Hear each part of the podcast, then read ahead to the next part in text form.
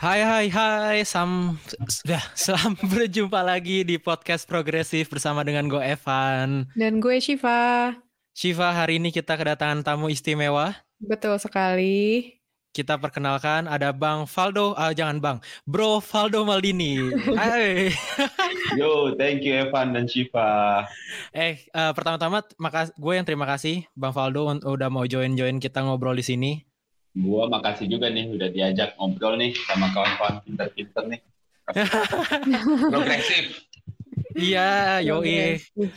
Ya sedikit backstory apa kita tuh ketemunya di clubhouse gue sama Bang Faldo dan uh, sempat di beberapa room diskusi bareng dan gue join uh, grupnya Bang Faldo lah untuk mengikuti update-update terbaru dari Indonesia tuh tentang tema-tema up to date. Jadinya dapet deh bisa kita ngobrol bareng. Uh, Bang Faldo, gimana uh, berapa tahun ya udah berarti di Indonesia semenjak dari UK? UK itu gue balik itu tahun 2014 ya, 14 berarti sekarang udah masuk tahun ke-7 kali ya.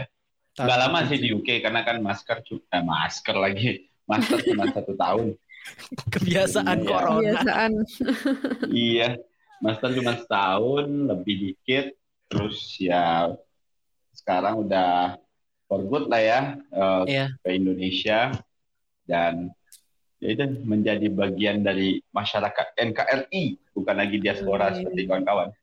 Iya nih. Mantap. Uh, Oke, okay. buat sobat progresif mungkin yang belum tahu uh, Bang Faldo, Bang Faldo ini statusnya sekarang adalah politisi dari Partai Solidaritas Indonesia dan uh, dulu sempat di partai lain terus pindah setelah Pilpres ya, Bang Faldo ya? Betul, saya pindah di tahun 2012. 4 okay. tahun. 4 tahun di PAN, tahun kedua di PSI. Ah, oke okay, oke. Okay. Karena ada orang partai kita mau ngomongin oligarki. Eh enggak lah, bercanda-bercanda. Kita kita udah capek ngomongin gitu ya. Gak usah diomongin, dilawan aja. Ah, mantap ini, gue suka nih. Uh, kita mau mau nanya aja sih, Bang Faldo, uh, gimana hmm. sih? Uh, lu lu dari asli dari Sumatera Barat, Bang Faldo? Yes, uh, gue sampai SMA itu da, uh, di Sumatera Barat, khususnya Kota Padang dari lahir sampai SMA di sana. Jadi mungkin teman-teman dengar bahasa Indonesia gue masih rada taste rendangnya ini. masih pedas-pedas gurihnya masih, masih ada. ada ya. pedas-pedas gurih-gurih kenyal dan pakai uh, rasa kelapa dibakar gitu. uh, terus iya. gue merantau ke Depok, ke Depok di sana lima tahun kuliah, ambil fisika, terus gue lanjut ke London ngambil fisika juga itu di uh, Imperial College London. Terus sekarang uh, nikah sama orang yang domisilinya di Tangsel. Sekarang KTP udah Tangsel, Bro. Oh, sama dong kita. Yo, i, sama Yeay, kita Tangsel. Orang-orang yang tidak sanggup beli rumah di Jakarta, sih. Betul, betul sekali. Ngakunya orang dari mana? Dari Jakarta, tapi KTP-nya Tangsel. Yo, i, sedang ya daerah peri-peri yang agak elit sedikit lah sedikit doang selatan Jakarta bukan Jakarta Selatan Jakarta Extension. Betul. uh, Mbak Falu, gue pengen mundur sedikit justru kayak uh, yep. lu itu dulu SBMPTN atau SNMPTN karena ke minggu lalu kita baru bikin um, episode oh, tentang okay. SNMPTN. Uh, sebenarnya sih gue yang jalur tes sih, uh, Pan. Chef. Hmm, SBM Jadi, berarti. Iya SBM kali ya kalau hmm, hmm. sekarang dulu itu kan uh, sebelum adanya SIMAK itu sempat ada UMB namanya. Jadi ada beberapa perguruan tinggi negeri itu bikin seleksi masuk bareng. Dan itu memang sebelum SNMPTN yang uh, semua kampus itu bro. Nah jadinya uh, mungkin uji coba SIMAK UI kali ya karena kan uh, sejak tahun 2007 8 gitu itu kan kampus sudah mulai otonom ya pengelolaan yeah. akademiknya. Nah, jadi ketika itu uh, eh, gue tes di Padang gitu. Pilihan pertama gue di uh, elektro, uh, pilihan kedua gue fisika. Nah, gue keterima di pilihan kedua nih di fisika UI. Pengennya dulu padahal pengen masuk ITB gitu loh, karena kan huh. Uh, kayaknya cowok-cowok itu kan ganteng gitu ya kalau di ITB. nah, tapi tapi memang ya jalan berkata lain dan pas sudah dapat di Depok UI nggak ya nggak boleh lah ya sama orang tua untuk pindah lagi udahlah syukuri yang ada aja gitu fisika elektro sama aja gitu dulu kan rata-rata pengen sekolah tuh di kuliah tuh di ini ya di elektro ITB bro Hmm, iya Ya, benar. ya. Sampai sekarang Bang Faldo. Sampai Iya. sekarang itu Ya, sampai masih sekarang bahkan ya Iya. iya jadi itu kan jurusan ini ya jurusan masa depan katanya kan karena Iya. dan itu betul ternyata ya nggak apa-apa lah Berarti kalau misalkan boleh nanya nih, Bang Faldo berarti emang dari dulu tuh passionnya di fisika gitu, soalnya sampai ngelanjutin ke UK segala gitu. Emang dulu cita-citanya apa Bang awalnya waktu eh, lulus SMA Ah, gitu? Dulu itu sebenarnya jago sih enggak ya fisika ya, tapi suka aja sih. Hmm, Kalau jago mungkin aku udah ikut olimpiade kali ya, juara juara gitu pasti. Ini ikut olimpiade kalah terus gitu loh, tapi suka gitu loh. hmm, Suka dan memahami eh, karena menurutku fisika itu ngelatih logik ya. Logik terus Hmm. juga solving problemnya dapat, analyticsnya bagus gitu.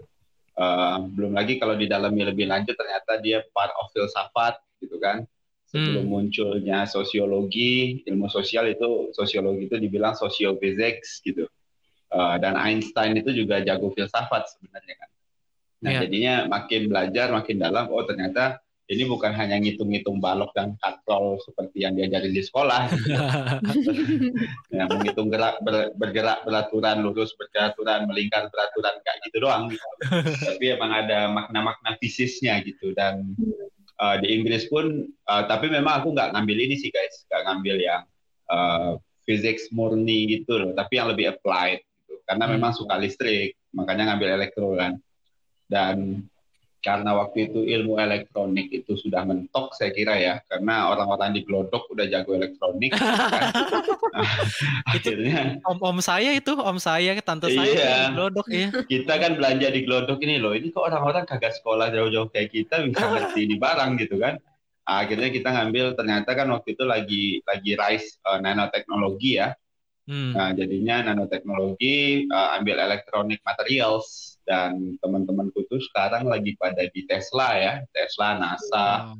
di SpaceX gitu dan dulu sih orang tua pengen aku tuh ngajar guys ngajar Hmm. jadi dosen gitu kan terus juga pengen uh, kerja di multinational company atau di tambang juga bahkan ya Hmm. karena kan waktu itu minyak dan tambang itu lagi jadi primadona ternyata oil price itu drop di 2013 14-an lah ya Hmm.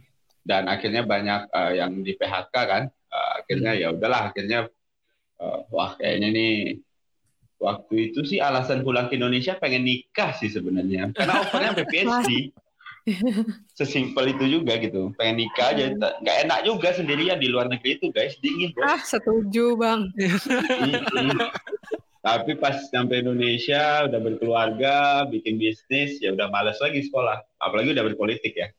Walaupun tetap ngambil S2 ilmu politik di UI baru selesai Oh, Oh baru, baru banget beres Mm-mm. semester ini. Aku S2 6 tahun. oh. 6 tahun S2 ilmu politik. Kelamaan nyusun, bukan nyusun sih. Kelamaan nulis tesisnya. Males waktu itu karena udah berpolitik praktis kan. Kagak ada yang mau bimbing saya. Gimana caranya bimbing politisi katanya gitu. Tapi alhamdulillah bisa lulus. Alhamdulillah. Eh, Bang Faldo, gue pengen nanya eh, balik lagi kayak kan lu bilang tadi fisika itu kan eh, ilmu filsafat gitu kan menjawab pertanyaan-pertanyaan yang tidak terjawab akan hidup ini gitu. Kayak berarti lu juga memang dari dulu suka suka baca-baca buku-buku apa sosial-sosial gitu ya kayak atau filsafat atau ya yang semacam itu kan biasanya soalnya anak quote unquote teknik atau ilmu eksak gitu kan biasanya jauh dari ilmu sosial gitu. Tapi lu enggak tapi lu justru beda ya. Sebenarnya sih suka baca sih nggak juga sih. Tapi mungkin gue lebih ke praktikal kali ya. Dan sarana menguji, ah bukan, sarana untuk belajarnya itu di uh, organisasi mahasiswa. Hmm. Jadi kan waktu itu juga selain stu- studi gitu ikutan lomba, riset, punya klub riset, lomba-lomba banyak lah itu. Nah itu kayaknya yang bikin gua keterima di Imperial ya, bukan pengalaman organisasi gitu. Hmm. Aku keterima juga di Manchester ilmu politik gitu. Jadi waktu itu bingung pilih apa ya politik apa physics gitu. Tapi karena Imperial lebih bagus kan kampusnya, kayak ITB-nya Inggris lah ya atau MIT-nya Inggris gitu loh. Udahlah lanjut fisika aja gitu. Nah memang waktu kuliah itu dengan sadar betul pengen kuliah ke luar negeri itu sejak semester awal guys. Oh. Jadi dengan hmm. sejak semester satu itu saya udah sadar saya harus lanjut kuliah ke luar negeri. Karena opsi bekerjanya pasti nggak banyak orang natural sciences kan dibandingkan orang yeah. teknik, hmm. accounting hmm. atau ilmu applied lain gitu loh. Dan hmm. waktu itu berpikir kayak wah ini kok kayak gini gue harus nyiapin uh, apa namanya nih banyak weapon senjata dalam tanda kutip hmm. yang bisa gue udah tahu bahwa kuliah luar negeri itu tentang portofolio gitu. Jadi tentang portofolio tentang pengalaman gitu. Karena kan nggak ada ujian kayak SPMB gitu. Paling cuma sertifikasi IELTS kan. Hmm. itu juga udah udah udah inilah tinggal latihan aja gitu. Nah jadinya memang selama kuliah itu aku nyiapin dua weapon itu. Satu weaponnya academics yang satu lagi weapon yang non academics hmm. sejak semester satu. Aku udah punya consciousness untuk hal itu gitu. Nah, ketika itu uh, ya udah IPK dibagus-bagusin di awal karena yakin di organisasi itu IPK pasti Y sama dengan min X turun gitu ya. Akhirnya akhirnya ini dan memang beruntungnya ya karena mungkin basicnya science atau physics suka math jadinya dalam uh, sosial itu relatif uh, sering mengkuantifikasi gitu loh variabel-variabelnya. Hmm. Hmm. hmm walaupun mungkin dalam kualitatif juga harus banyak latihan sampai hari ini ya. Tapi uh, dalam kuantitatif kayaknya cukup menguntungkan ya untuk teman-teman yang punya back apa background uh, science gitu ya untuk melihat fenomena sosial, fenomena ekonomi, uh, fenomena apa ya fenomena ya sosial ekonomi lah ya dan filsafat sekalian gitu loh. Hmm. Dan pas jadi politisi itu jadi lebih ini lebih terukur karena kan memang uh, riset-riset kuantitatif itu juga dipakai kan di apa yeah. di, di ilmu sosial apalagi politik gitu. apalagi hmm. ekonomi isinya matematik kalau ekonomi economics hmm. mah ya kan yeah. nah, akhirnya banyak baca-baca buku juga yang bukan buku sih banyak baca-baca artikel dan jurnal uh, ikutan organisasi sih yang yang bikin uh, kesadaran untuk uh, memahami fenomena sosial itu fun shift hmm. jadi kayak hmm. semacam apa ya wah ini nih kalau gue di kelas doang nih gue nggak nggak bisa jadi jagoan gitu loh. Jadinya mulai mencari ini mencari ruang belajar. Maksudnya di kelas ya udahlah gitu. Kita pasti nggak akan jadi top level the best of the best karena ada anak-anak yang jauh lebih pintar gitu. Nah jadi ya aku coba uh, masuk ke jalur lain yang aku kira mungkin bisa bikin uh, aku jadi one of the best lah di situ. Dan itu yang bikin jalan hidupku hari ini kayaknya itu deh Oh, menarik sih. Soalnya tadi juga mau nanya sebenarnya kayak uh, mungkin Bang Faldo juga sering ditanya gitu, kenapa Bang Faldo bisa dari yang lulusan sarjana fisika gitu, terus tiba-tiba jadi berkecimpung di dunia politik gitu. Tadi juga mau nanya itu. Um, terus apa ya? Yang aku pengen tanya itu organisasi sih Chef jawabannya. Hmm, organisasi ya jawabannya berarti. Hmm. Terus uh, yang mau aku tanya tuh ini mungkin agak abstrak sih, cuman uh, pengalaman apa gitu yang Mas Faldo alamin yang dari masa masa gini Oke, okay, agak belibet. Mas Faldo kan sempat kuliah di Indo, berorganisasi di Indonesia, terus sempat keluar kuliah di UK, terus berorganisasi juga di UK gitu. Terus apa yes. jadi poin-poin atau pelajaran yang Mas Faldo eh Bang Faldo petik gitu yang bikin Mas Bang Faldo tuh Bang Faldo yang sekarang gitu. Agak Mungkin yang paling paling berkesan itu ketika jadi ketua BMUI kali ya atau presiden hmm. mahasiswa ya itu jadi aktivis tulen lah. Jadi waktu itu kuliah hmm. saya udah selesai. Hmm. Jadi aku tuh setahun itu full ngeband tanpa kuliah. Jadi full ngeband tanpa kuliah di situ aku ngelihat uh, apa namanya banyak problem, banyak eh, masalah-masalah uh, gitu. Oh ternyata masalahnya orang miskin itu karena mereka dibuat miskin secara sistemik gitu loh. Hmm. Baru punya pemahaman di situ gitu. Oh, maaf Bang Faldo ya. itu bah itu bahasa kita banget tuh di sini sistem apa iya. kemiskinan sistemik ini sering banget dibahas di kita nih. Lanjut. Iya, karena di, dimiskinkan gitu bahwa iya, demokrasi yeah, itu kita nggak pernah benar-benar memilih tapi kita memilih pilihan yang dipilihkan gitu. Terus hmm. kita juga produk-produk undang-undang kita itu tidak benar-benar dibahas, tapi cuma uh, menjadi sebuah kepentingan sebagian kelompok oligarki ya, yang Evan bilang lagi. nah jadinya oh kayak gini cara kalian main ya. Waktu itu aku masih jadi mahasiswa gitu loh, melihat yeah. penggusuran, melihat uh, harga komoditas uh, naik turun, melihat petani menderita, pedagang menderita gitu, hidup sama mereka, ngebangun desa gitu. Terus di UK juga ngurusin TKI, ngurusin diaspora, pulang ke Indonesia bikin komunitas, ngebangun kampung gitu. Jadi aku percaya bahwa ini adalah sebuah game yang mungkin kalau nggak pakai policy, ini lama kelarnya gitu. Hmm jadinya ya ya sudah gitu. Karena punya kesadaran itu gitu ya. Kalau pengen ngelarin ini cepat ya kita harus masuk ke dalam uh, the game yang diterima in the town yaitu namanya demokrasi gitu kan. Gabung ke partai politik dan akhirnya ya jalannya sampai ke sini gitu loh. Karena waktu itu punya kalian oh kayak gini ini yang yang bikin uang kuliah mahal tuh ternyata memang ada keinginan untuk memisahkan gitu ya tanggung jawab negara terhadap pendidikan khususnya pendidikan tinggi dilepas ke sektor uh, secara otonom yang mungkin swasta bisa masuk which is pendidikan bisa jadi bisnis gitu-gitu loh hmm. ini kan nggak relate sama uh, undang-undang dasar kita tujuan kita bernegara gitu jadi ada gap-gap yang saya lihat di mana dalam praktiknya gitu ya uh, policy atau kebijakan yang dibuat itu nggak relate sama tujuan kita bernegara. Uh, awalnya saya mungkin bergeraknya dalam organisasi kemahasiswaan, organisasi PPI, waktu itu jadi ketua juga di Inggris gitu kan, bikin community. Gak cukup duit saya untuk menyelesaikan ini semua gitu Hmm. Dan gak cukup juga masa yang saya kumpulin untuk menyelesaikan ini semua gitu. Ternyata uh, benang merah dan uh, silver liningnya itu adanya di pembuat kebijakan. Hmm. Kita lihat pembuat kebijakannya terpilih dengan cara yang uh, sembrono gitu kan. Ada uang dia menang gitu. Oh, oke gini ya sudah berarti kita harus ke sana gitu. Yeah. Jadi quick win dan smart winnya itu walaupun konsekuensinya saya harus meninggalkan kenyamanan yang dalam tanda kutip Mungkin saya udah di Tesla kali ya kalau saya masih Nah, itu dia. Hmm. Gue baru mau nanya sehat nyesel, ini gitu. Gak nyesel Bang Faldo, kayaknya enakan kerja di SpaceX deh dibanding Iya, soalnya gue diledek-ledekin sama teman-teman gue yang di di London kan. Kita kan masih ada satu grup WA kan. Walaupun gue tetap ngikutin perkembangan mereka ya. Dalam artian kan lu juga kalau saya gue jadi presiden lu juga datang ke gue, gue jadi menteri lu datang ke gue, kayak gitu. Boleh-boleh ya.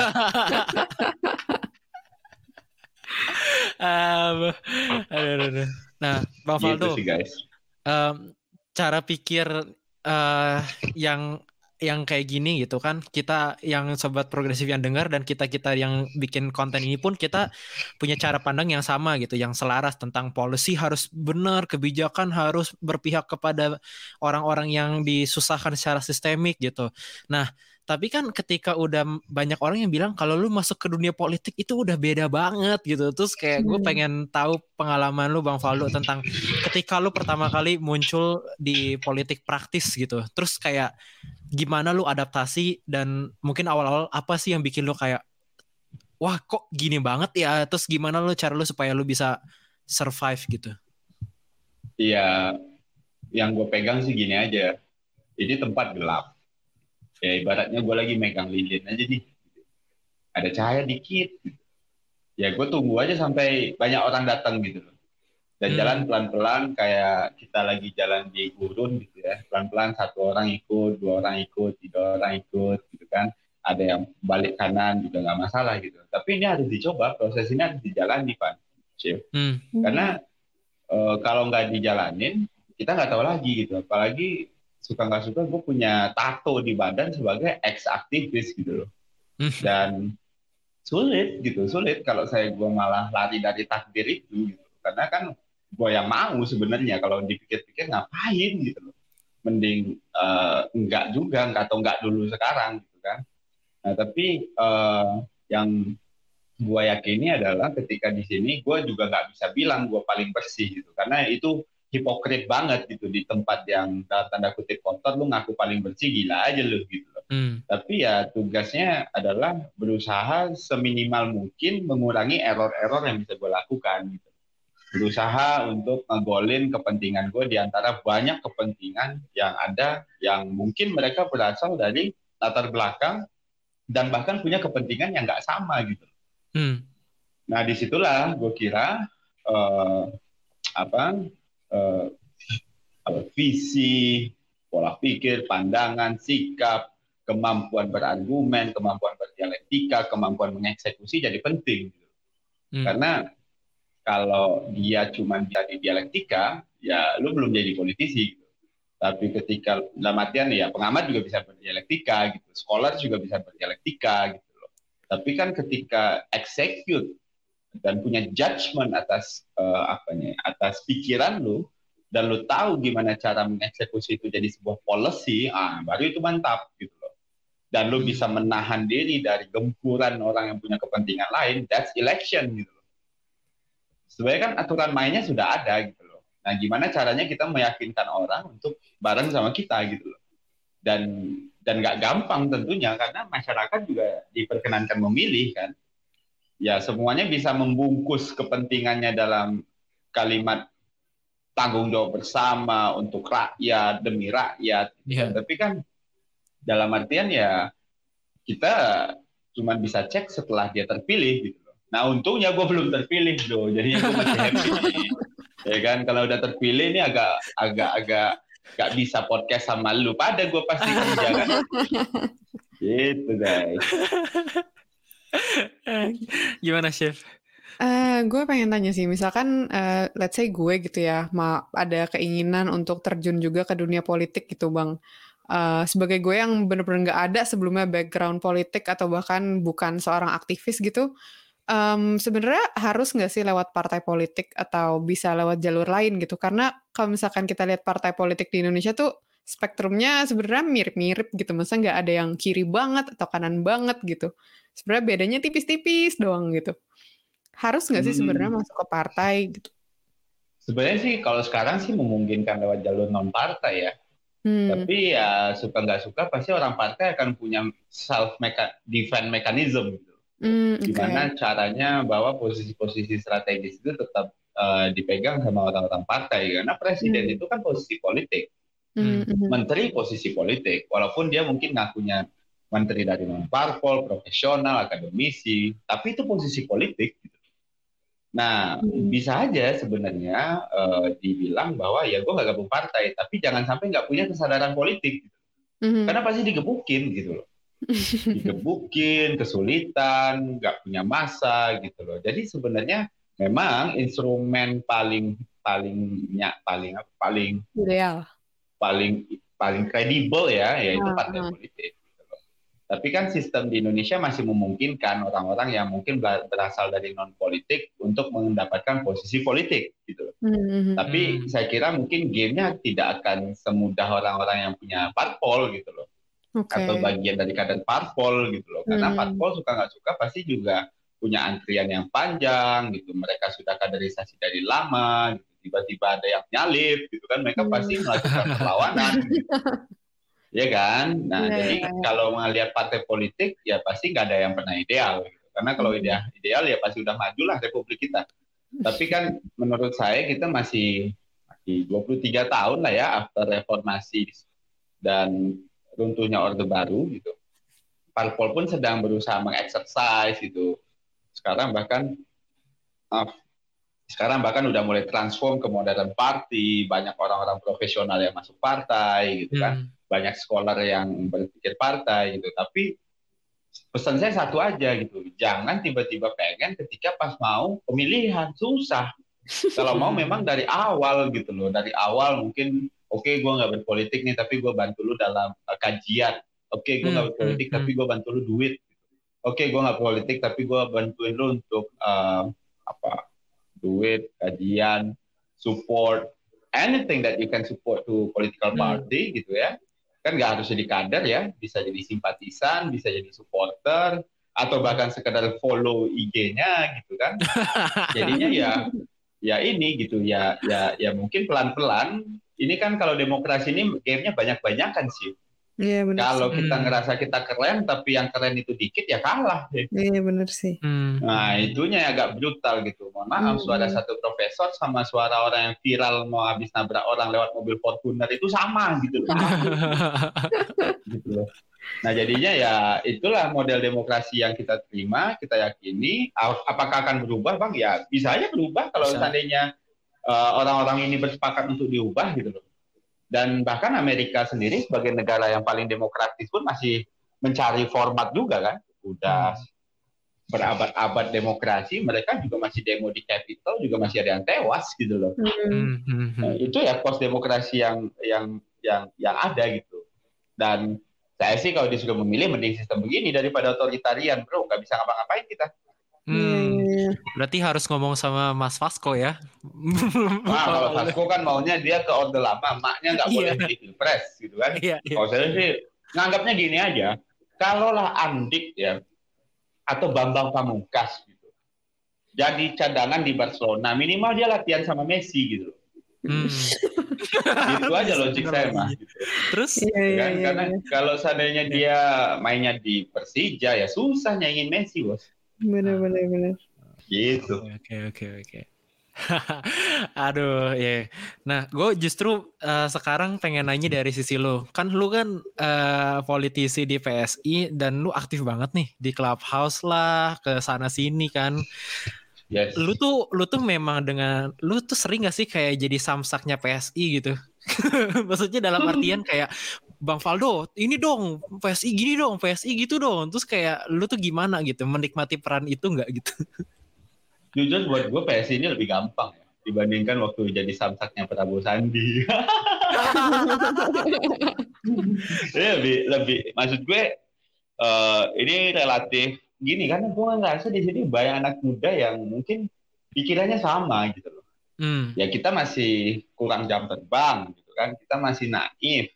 Jadi bagi gue poli PSI itu bisa menang itu lewat keajaiban aja sampai saat ini gitu. Wong partainya juga masih baru gitu kan. Hmm. Nah, tapi sih eh, gue sih jujur menikmati ya eh, dalam proses berdialektika itu karena ini bukan tentang benar salah juga, Pak. Chip. Hmm. Yang penting lo bisa nyusun argumen lu dan itu bisa diterima secara eh, logis dan Hmm. tidak tidak ini ya melang- melanggar etik. Jadi koheren gitu cara berpikir lu sama tindakan lu. Politisi itu kan makin jauh tindakannya sama ucapannya dibilang ulung kan. Makin hipokrit dia makin ulung dia katanya. Tapi ya menurut gua sih ya nggak gitu juga gitu loh. Kita bisa cari format yang lain, propose yang lain ketika dia ngomong A tindakannya A. gitu. Dia ngomong B tindakannya B. Bukan dia ngomong A tindakannya Z. Nah, itu banyak tuh. Dan itu dibilang ulung biasanya. Wah, ulung nih dia jadi politisi. Bukannya jadi, penipu ya?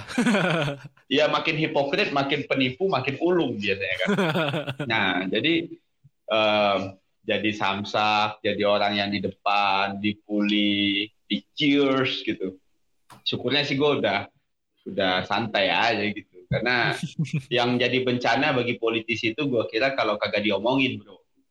Hmm. Oh. Bencana itu lu bayangin aja gue pindah partai itu sampai hari ini diomongin kan sakit pala gue. Gak sakit sih, happy juga gitu. Kasihan orang yang udah pindah partai kagak diomongin bro, udah pindah partai lima kali orang biasa aja gitu loh. Lu bayangin perasaan mereka gitu loh. Gue baru pindah sekali, udah dua tahun masih aja diomelin di sosial media itu. Kayak nggak nggak terima gitu gitu. Ya udahlah gitu. Gue anggap ini proses aja. Dulu mungkin gue sempat dipuji-puji banget kan oleh pendukung Prabowo Sandi, tapi ya nggak boleh gitu. Cuman pengen dipuji terus gitu. Kita harus bonyok gitu. Kita harus harus tahu rasanya gitu, gimana rasanya di dihantam netizen gitu gitu loh. Harus tahu gitu loh. Aku nganggap itu bagian dari proses. Hmm.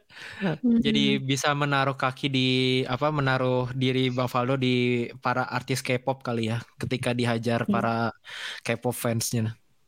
Iya dan sejak mahasiswa sebenarnya gitu. Karena kan pilihan-pilihan BEM itu nggak populer gitu. Betul, Menolak betul. kenaikan BBM misalnya kan. Menolak penggusuran. Nggak semua orang yang pengen BBM itu nggak naik gitu. Nggak semua orang Iya. juga eh, pengen eh, eh, yang pengen mendukung penggusuran. Orang pengen juga gusur aja lah bikin kotor gitu. Banyak bro. Hmm, Jadi mungkin karena udah terlatih sejak mahasiswa kali ya, jadinya aku kayak ah waktu gua jadi mahasiswa sudahlah kere, tak ada duit gitu kan. Uh, menderita banget dibully gitu. Tapi sekarang kayak ah ya udahlah dulu lebih keras gitu loh. Eh, eh, eh, eh. eh. uh, gimana sih lu ada pertanyaan dari temen hmm. lu nggak? Kayaknya lu sempet nanya-nanya gitu. Ya? Uh, gue ada pertanyaan dari gue sendiri sih lagi-lagi. lanjut, lanjut, lanjut uh, aja. Ini nih bang, misalkan baik lagi ke contoh Shiva yang ingin berpolitik gitu ya. Uh, hmm. Kapan ada, shift, ada shift? Kapan shift? Itu buat tanggal mainnya.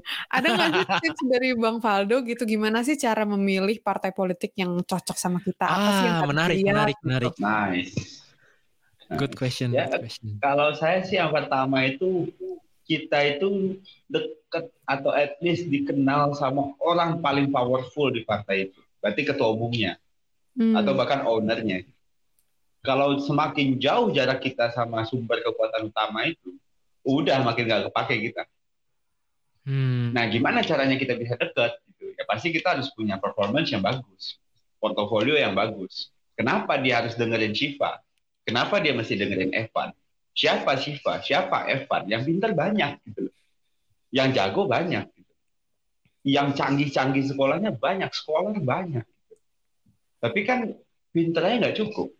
Orang ada yang udah pintar, ganteng, cakep, duit banyak pula kan turunan elit pula. Wah, ya banyak tuh, banyak variabelnya gitu loh. Iya, iya, iya. Nah, jadinya gimana caranya semua variabel itu terpenuhi gitu. Walaupun orang sering menyederhanakan problem itu karena ada yang punya duit, ada yang nggak punya duit. Gitu. Duit aja nggak cukup sih. Hmm. Saya percaya itu. Makanya saya termasuk orang yang apa ya? Orang bilang jadi pengusaha dulu, kumpulin uang yang banyak dulu, maju pasti menang. Enggak juga, saya ngelihat kok orang ratusan miliar kalah gitu yeah, loh. Yeah, yeah, hmm, betul. Jadi variabelnya itu mesti komplit di semua sisi itu, Chef. Uh, hmm. Jadi lo juga mesti bisa interpersonal, lo harus bisa merendah. Kalau seandainya lo tahu orang yang nyeramahin lo itu nggak lebih baik dari lo, lo harus bisa ngangguk gitu loh. Hmm. Karena dia lebih senior gitu loh. Jadi gamenya itu memang game game komplit gitu loh jadi checklistnya tuh banyak sih saya kira. Tapi kalau saya disederhanakan karena waktu kita nggak panjang, kalau dijelasin bisa sampai subuh besok sini barang. Jadi uh, yang paling penting pesan saya sih, kalau lah dekat sama sumber kekuatan utama, berarti kan ideologi bisa kena barang. Oh ada kemiripan ideologi. Oh ada kemiripan cara pandang. Oh ada kemiripan visi bermain. Oh ada cita-cita yang sama Indonesia ini mau bikin kayak apa gitu loh. Nah itu yang penting karena pintar sendiri tapi kagak ada teman, susah juga sih. Ya. Mm -mm. Jadi kalau temenan doang tanpa isi susah juga gitu loh. Karena orang berteman aja banyak gitu loh. Iya iya. iya. Duit doang nggak berteman, nggak punya isi, pasti diporotin gitu loh. Iya benar. Nah jadi banyak variabel yang harus dipenuhi saya kira gitu. Tapi kalau boleh disimplify, saya kira itu gitu. Karena kalau udah bisa dikenal sama ketua umum partai, misal kamu mau masuk apa PSI gitu ya kenal giring hmm. gitu masuk uh, eh, PDIP ya nge Abu Mega dibales gitu loh ya kalau hmm. enggak ya udah nungguan di luar pagar gitu gitu uh. nah dan untuk sampai ke sana memang harus bangun portofolio saya kira kenapa kita layak untuk mereka perhatikan gitu hmm. Hmm. nah saya juga tidak sadar membangun itu semua sih Pan maksudnya hmm gue nggak tahu ternyata dampak jadi presiden mahasiswa itu atau ketua BEM itu segitu gede gitu. Mm-hmm. Yang awalnya gue kira cuma untuk ya lah jadi tuh demonstran doang gitu. Enggak, ternyata bos. Jadi ketika kita dapat tanggung jawab gede ya has, konsekuensinya juga gede gitu. Jadi ya nggak boleh marah-marah gitu. Uh, terus juga mesti perform gitu kan malu dibilang ah nah UI goblok-goblok ya kan UI-nya yang malu gara-gara gue. Gitu. Iya iya benar. Hmm. Nah gitu. Oh ternyata anak ITB gak jago-jago gitu loh. Nah itu sih guys.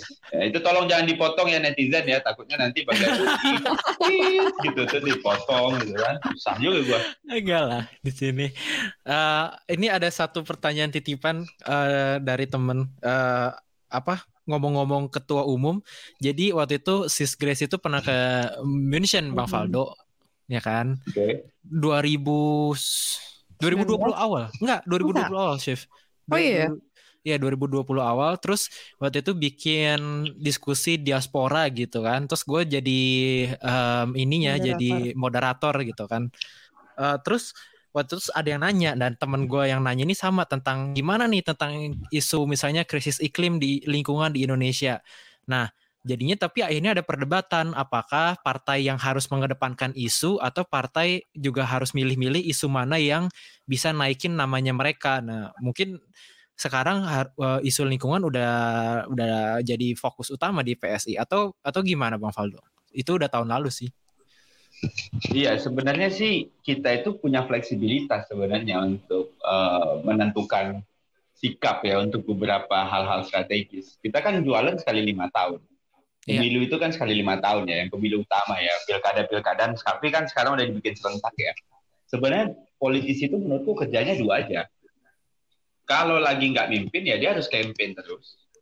Kalau dia udah berkuasa dia harus govern secara benar gitu loh. Hmm Nah, jadinya within kesempatan belum jadi pemenang itu ya campaign terus gitu. Ya hmm. tentu dengan berbagai macam segmen, ada yang lingkungan, ada yang energi, ada yang corruption, ada toleransi, ada misalnya pemberdayaan perempuan, ya udah itu dibagi aja secara rata gitu. Dan memang betul gitu bahwa uh, kalau di capture dari uh, cuplikan survei bahwa memang ekonomi masih top priority gitu. Hmm. Makanya semua partai itu selalu ngomong ekonomi, ekonomi, ekonomi, lapangan kerja, lapangan kerja, lapangan kerja gitu. Karena itu hmm. problem yang nggak geser-geser gitu. Yeah. Ya. Uh, dan bahkan even COVID pun itu tuh tidak bisa menggeser problem ekonomi itu gitu. Dari cuplikan survei. Karena kan kita menggunakan survei itu untuk nge-capture kondisi masyarakat ya kita kan nggak punya mata batin gitu yang tahu masyarakat itu pengennya apa gitu. Jadi somehow gitu ketika kita ngomongin iklim, green policy gitu, mungkin itu laku di scholars gitu. Hmm. Tapi bawa ke warga, jangankan energi bersih bu, jangankan energi bersih pak, energi kotor aja kita masih listrik masih mati nih gitu, gitu loh. Hmm. Kita masih nggak makan besok gitu. Nah di situ uh, partai politik dan politisi harus bisa mencari uh, formula yang tepat saya kira gitu loh. Semuanya harus digarap gitu. Tapi mungkin dalam uh, konteks strategi gitu, mungkin ada iya. pilihan-pilihan yang diambil gitu loh. Nah PSI kemarin mungkin waktu saya belum gabung ya itu kayaknya ngambil uh, segmen minoritas gitu, segmen sama uh, ini sekuler, anti poligami, anti poligami dan apa diskriminasi gitu ya mungkin itu ikhtiarnya PSI gitu ijtihadnya gitu ya, tapi kan hasilnya kelihatan gitu satu koma delapan ya Indi kan jalan Indi gitu, gitu.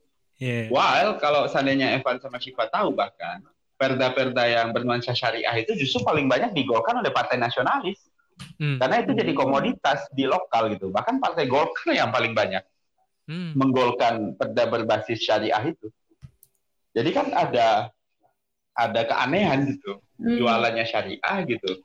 Tapi partainya nggak partai Islam atau partai Islam ternyata jualannya nggak syariah gitu loh.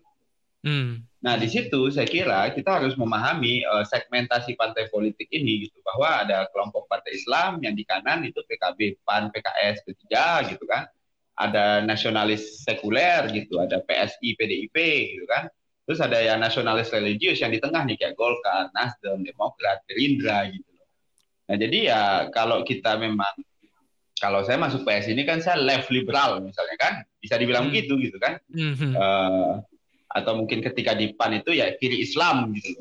Nah, saya kan merasakan gitu bahwa ya suka nggak suka kan saya uh, menganggap uh, cara pikir Marxism itu ya paling bagus untuk menganalisis uh, fenomena sosial gitu. Pisau analisis oke. Okay Nah, tapi kan negara kita kan belum cukup adaptif ya untuk ngomongin ideologi dalam uh, praktik sehari-hari kita. Gitu. Jadinya ya akhirnya caplok-caplok aja gitu loh, Van. Uh, ya udahlah, kita dukung juga energi bersih, kita dukung juga green policy gitu. Ya ketika dibawa ke publik ya yang milih 0, gitu, partai hijau aja nggak ada di sini. Enggak, Kalaupun iya, ada paling ya paling juga kalah sih yakin saya gitu. Enggak, enggak. Jadinya ya belum ya tetap tetap aja gitu ada ada problem literasi kita di sini gitu ada problem uh, literasi politik literasi pendidikan banyak lah problem literasi ini harus di solve oleh partai politik ya jadi saya nggak mau nyalain nyalain orang ya kesalahan yang terjadi ya kesalahan partai politik oke okay, oke okay, oke okay. Uh, Sylvia, lu punya pertanyaan lagi? Mungkin satu terakhir atau? Uh, uh, Oke, dari gue segitu aja. Oke. Okay. Um, well, uh, Bang Faldo mungkin dari gue kayak sebagai uh, buat bahan kita berpikir juga kayak menurut lo sebagai kayak Gen Z nih kan generasi yang uh, di bawahnya Bang Faldo gitu.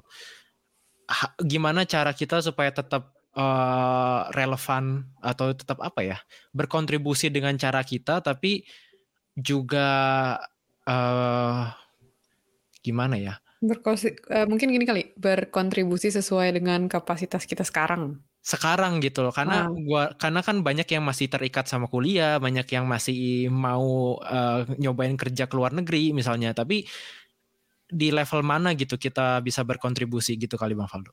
Thank you Shiva. Hmm. gua kira kompeten kali ya. Karena muda aja gua kira nggak cukup. Hmm. Karena semua orang pernah muda. Yang tua pasti ngerasa muda yang muda merasa paling memiliki kemudahan ini. Nah, Tapi muda aja gue kira nggak cukup. Makanya sekarang PSI itu lagi uh, menguatkan kompetensi masing-masing kadernya gitu. Valdo kompetennya apa? Oh ternyata dia basics, engineer gitu kan. Berarti dia kuat nih di hal-hal yang lebih teknis gitu. Oh ternyata walaupun gue sering ngomong ekonomi gitu karena gue udah kuliah ilmu politik misalnya gitu. Nah jadinya ya gue kira sih kompeten itu perlu dan penting gitu loh guys. Hmm. Jadi ya kalau lo kompeten lo bisa ngomong atas kompetensi lo. Ya jangan lo omongin semua, lo tunggu aja momentum datang. Tiba-tiba lo sampaikan pikiran lo, misal kayak Evan kemarin keluar tuh kompetensinya untuk cyber security gitu. Hmm. Tapi kan nggak mungkin cyber security terus yang dibahas gitu. Iya, Tapi lo konsisten aja gitu loh, konsisten hmm. aja sama passion lo gitu kan, sama kerjaan lo dan jangan takut juga untuk shifting atau pivot gitu loh karena nggak dosa gitu loh. Gue termasuk orang yang nggak mau terjebak sama chauvinisme ilmu gitu. Bahwa yang boleh ngomong ekonomi cuma orang yang lulusan ekonomi. Eh, menurut lo aja gitu kan. Ya, yang boleh berpolitik cuma lulusan politik nggak gitu juga bos gitu loh. Jadinya menurut gue lo harus kompeten sih. Karena kalau lo kompeten pasti kepake. Gitu. Hmm. Entah sebagai pengambil kebijakannya, entah sebagai uh, ahlinya, entah sebagai advisernya, entah sebagai masyarakatnya gitu atau mungkin hmm. mengorganize community gitu. Hmm. Jadi gue kira ya tetap fokus di kompetensi masing-masing gitu. Sehingga nanti kita akan ketemu nih. Dan kita harus jalan terus. Jadi kalau kita jalan terus, gue yakin kita bakal ketemu. Entah sebagai mitra, entah sebagai kompetitor. Tapi kalau kita nggak jalan, atau salah satu dari kita berhenti, berarti kita nggak ketemu. Hmm. Jadi gue percaya nih kalau Shiva jalan terus, Evan jalan terus, dan gue mudah-mudahan bisa jalan terus kita bakal ketemu lagi entah sebagai satu kabinet entah sebagai wow. satu koalisi gitu kan entah sebagai uh, kompetitor ya nggak apa-apa gitu loh yeah. yang paling penting kan kita jalan terus dan ya gue pasti dengerin lu lah karena lu yang lebih ngerti tapi kalau di bagian yang gue pelajari dan gue kompeten ya tentu kita ganti-gantian dengerinnya dan ngomong mm -hmm. gitu. -hmm. gitu guys Wah, thank you Bang Valo. Itu poin yang bagus banget. Jadi kayak lu membangun kompetensi itu nggak sia-sia gitu. Beneran ya Chef ya. Hmm, yang kayak ya. literally usaha tidak mengkhianati hasil tuh beneran beneran adanya gitu. Betul. Dan dan kalau menurut gua diaspora ya, kawan-kawan, jangan buru-buru pulang juga lah menurut gua. Karena ekosistemnya belum belum rapi jujur aja gitu. Gua kan ngerasain hmm. gitu. I was there seven years ago lah. Ketika hmm. gua ngerasain negara ini gue lihat dari luar tuh kacrut banget gitu. Mm-hmm. But when I'm here ya ketika saya di sini ya ya ya ya kita yang di sini harus kerja keras gitu biar teman-teman pulangnya tuh enak gitu loh. Mm. Bukan cuma transfer ke daerah, transfer ke orang tua, terus maki-maki Indonesia dari luar. Ya kalau teman-teman maki-maki ya juga nggak apa-apa gitu. Memang lagi kacrut gitu loh. Tapi ya kita mungkin mesti jalan terus. Kalau diaspora jalan terus, scholar jalan terus, akademisi atau profesional di luar negeri ekspat jalan terus, gitu kan. Kita di sini juga jalan terus. Jadi ketemu nanti gitu. Yeah. Saya berharap sih begitu. Yeah. Thank you Bang Faldo buat Makasih waktunya. Banyak, Senang banget gue uh, bisa yeah. banyak uh, ngobrol-ngobrol um, and segitu chef uh, buat buat ya episode hari ini ntar gue gue udah tadi pusing nih apa kurang tidur jam berapa uh, jam berapa di sana jam 3 sore, Jam 3 Nggak, tapi Hmm. tadi bangunnya pagi banget. Eh gimana Shift? Jadi eh, sebagai penutup lu bakal gabung partai kapan? Waduh. Kalau Jangan dulu Shiva, saya tidak tidak menyarankan cepat-cepat kalau kamu nggak yakin. Nah, Iyalah, masa sesuai dengan eh, apa namanya wejangan planning kamu aja. Heeh, kayaknya gue untuk saat ini gue fokus sama kompetensi gue dulu. mantap. Mantap, Betul. mantap. Dan bisa paralel sih. Maksud gue ketika lu di parpol lu tetap bisa asah kompetensi lu kok. Tapi ya mungkin tidak sefleksibel kalau lu di luar Hmm. partai politik. Hmm, Betul, betul, betul. betul. Kita lihat nanti ya. Oke. Oke, sip. Gua harap juga uh, sobat progresif yang dengar bisa mengasah kompetensinya terus dan siapa tahu kalau kalian jalan terus kita ketemu juga suatu saat di Betul sebuah sekali. tempat gitu. Ya, jangan lupa di follow di Instagram kita @podcast_progresif. Jangan lupa yang punya clubhouse join juga klub kita, klub uh, di bawah progresif aja. Ya. Um, dan ya sampai ketemu mungkin nanti 20 tahun lagi, 10 tahun lagi, 5 tahun lagi, tapi yang pasti minggu depan kita ketemu lagi. Thank you Shiva, thank you Bang Faldo. Bye bye semuanya. Thank you Evan, thank you Shiva.